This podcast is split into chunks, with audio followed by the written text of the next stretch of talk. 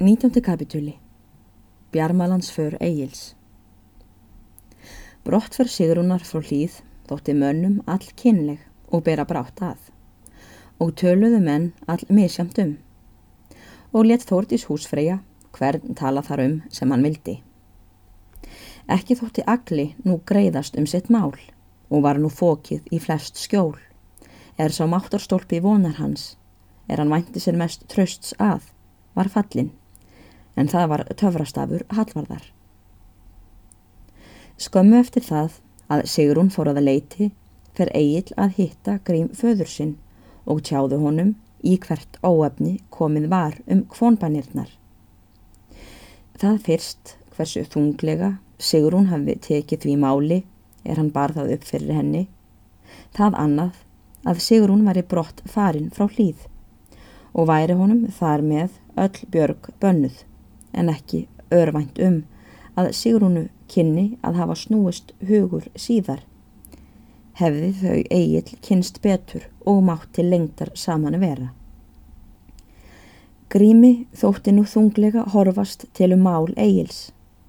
Sagði það ljóst að brottfur Sigrúnar hefði gjör verið til bekni við þá feðka og sagði að ekki hefði allt verið bregða löst að hendi þeirra hlýðarhjóna þar sem Sigurður hefði þó heitið því að vera flytjandi þessa máls. Báru þeir feðgar þetta fyrir sér að Sigvalda og báðu hann nokkuð gott ráð leggja. Prestur reyði þeim feðgum að Egil skildi ekki hætta við svo búið. Skildi hann smátt og smátt venja komur sínar að leiti og freysta hvort hann gæti ekki náð fundi Sigrúnar og viðtali myndi þá smám saman draga saman með þeim. Færi svo oft, þó ólíklega áhorðist í fyrstu, að konur leti um síðir til leiðast, er þar sæju að byðlar þreytust eigi, en legðu því meira kapp á, þó þeim væri eitt sinn frá vísað. Grími líkaði all vel þessi ráðagjörð, sagði og að Egil mætti vel fara að dæmu Móses og slá oftar en eitt skipti á helluna þar til hann fengi af henni rennandi vatn. Egil hvaðst þeirra forsjá fylgja vilja og eftir það tekur hann að venja komu sínar að leiti. Byður hann nú Sigurð bónda eitt laugardagskvöld um orlof og hvaðist ætla að hitta föður sinn og leifiði bóndi honum það. Tekur Egil nú gráan hest er hann átti og rýður til leitis. Lætur hann hestin eftir fyrir utan túngarð og gengur síðan til bæjar. Hittist þá svo á að Sigurún setur undir bæjarvegg og saumar. Sest Egil þegar hjá henni og hefst nú aftur máls á því er hann áður hafi frá horfið um engamálinn og gjörur sig sem blíðastan. Bjarni bóndi var við slátt á túni og piltur einn hjá honum. Er honum brátt sagt að Egil sé þar komin og sestur á tal við Sigrúnu. Bjarni stingur fegar niður orfið sínu og gengur heim úr slæjunni. En talar þú áður nokkur orð hljóðulega við piltin er hjá honum var. Bjarni gengur þar að sem Egil situr og varpar hverju á hann og spyr tífenda og spyr þar næst hverju gegni um ferðir hans. Egil lætur fátt yfir og hvaðst fara sinna erinda. Í þessu byli sér Bjarni að hundarmargir standa í hesti Egils og er hann á flugferð út frá túnni. Snýr hann þá að agli og segir Ég held þér væri þarfara Egil góður að líta eftir reyðskjóta þínum en sitja hér sé ég að hundarvorir leika lausum hala við hann. En það myndu hafa það eina erindi að þér sé hotlast að dragnast brott. En ég þetta skaltu fá áður ef þú ert svangur, segir hann. Egil hvaðst myndu ráða ferðum sínum, en stekkur þó upp og ætlar að taka rossið. Og er hann kemur af tóngarði, er hesturinn hlaupin út á mýri eina fyrir neðan tónið og á harda stökki. Hlaupur Egil eftir honum en piltur sá sem áður er um getið stendur á túngarði og hefur rossaskellu eina mikla í hendi og sigar hundunum sem hann má. Agli varð torsótt yfir mýrina, er þar voru fen mörg og þá er hann er á miðri mýrinni, er gráni komin af henni og á mela sletta og fylgja hundarhónum jafnan við hæla og dró hann skjótt undan agli. Egil kemst við illan leik yfir mýrina en svo hafði hann hlaupið geist að hann var nær því sprungin af mæði og nálega var engin nappur eftir á buksnastreng hans. Verður hann nú að stöðva hlaupið um stund og blása og dregur gráni en undan. En fyrir hvern mun vill hann hafa hest sinn og dragnast í humóttina eftir honum og er skjótt af að segja að hann næri ekki hesti sínum fyrir enn hjá túnni. Hafði hann staðnamst þar hjá hestum nokkrum var þá beisli tínt og lendklæði og leitar hann þess lengi áður hann finnur það. Sér þá Egil ekki annað vætna ráð en hverfa aftur og ríða heim við svo búið. Hinn næsta lögardag á eftir byður Egil ennum orlof og hefur enn hið sama á orði að hann muni ríða og hitta föður sinn.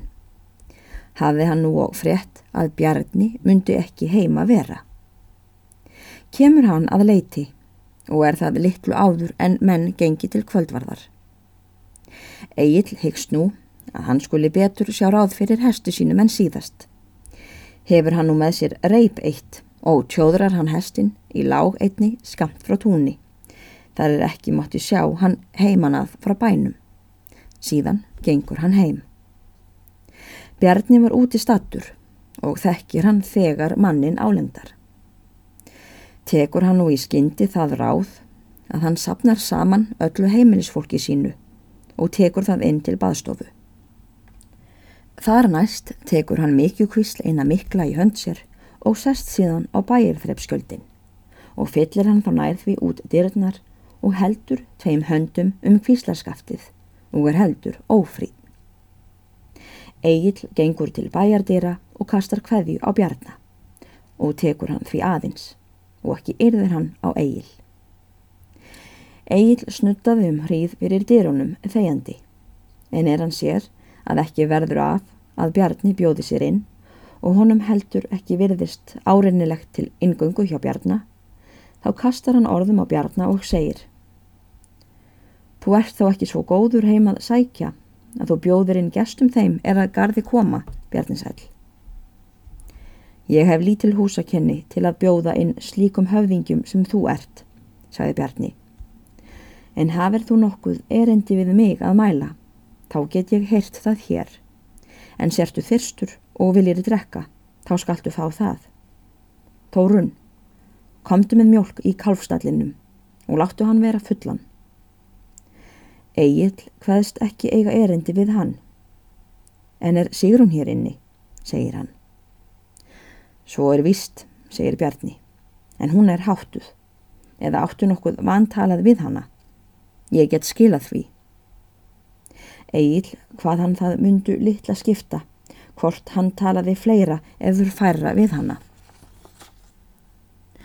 Við þetta tóka þykna í Bjarna og segir hann, þá skaltu vita, Egil sæl, að eigir þú ekkert annað erendi hingað, þá vil ég ráða þér að venja ekki komur þínar hingað til þeirra erindagjörða oftar og vil ég ekki hafa á mínum bæ þess áttar, daður eða dingl. En hérna er mjölkin ef þú vilt drekka. Egil hvaðist ekki mjölkur þurfi og slær fætinum í dallin svo hann rekkur úr hendi bjarna og reyðist hann og í því byli stekkur bjarni upp hart og títt og tví hendir kvíslina og ætlar að slá í höfuð agli sér Egil þann bestan að hörfa undan og tekur hann þegar á rás, en Bjarni eldir hann. En er Egil er komin að túngarði, stekkur hann þegar yfir, en Bjarni kemur þá að með reyta kvíslinna og slangrar henni til Egils, í því hann steipist yfir gardin og ræður Bjarni það þar af að Egil grýpur hendinni aftur fyrir sig hvar á hefði komið. Ekki veitti Bjarni honum lengra eftirför. Hleypur Egil þá til hest síns, leysir hann og stýgur á bak og skorti þá ekki stór orð og heitingar af hans hendi. Hvaðstansfórs skildu koma til leitis hið þriðja skipti að Bjarnam myndi minni til reka. Ekki skeitti Bjarni heitingum þeim og rýður nú Egil í brott og kemur til Gríms föður síns og segir honum sínar farir eigi slettar og er Egil þar um nóttina. Grímur verður ákaflega reyður við þessar frettir en stilti sig þó vel og liðu honum af munni þessi orð predikara Salamónis. Leif ekki þínum munni að hann láti þitt hold synga. En með því áður hafi verið kallt með þeim grími og bjarna eins og áður er nokkuð frásagt. Þá verður það nú að þeir leggja fullan fjandskap á bjarna. Gjöra þeir þá ráðagjörð fyrir sér að þeir muni fara einhver dag til leitis og heimta bætur af bjarna fyrir óverðing þá er hann hafði veitt agli. En farið svo að bjarni svari ekki góðu um skuli þeir gjöra honum ráðningu nokkara og kemst grímur að þeirri niðurstöðu við rannsaka rittningana að hestinum hæfi svipan, astanum beisli og bjarna vöndur á bakið. Ekki lögðu þeir feðgar miklar dölur á fyrirætlun sína og fær þórdís í hlýð pata nokkur af ráðagjörðum þeirra. Gjörir hún bjarna þegar orð og byður hann að vera varan um sig og gefa þeim ekki færi á sér. Hafi hún sann spurt að þeir ætli að gjöra honum aðför.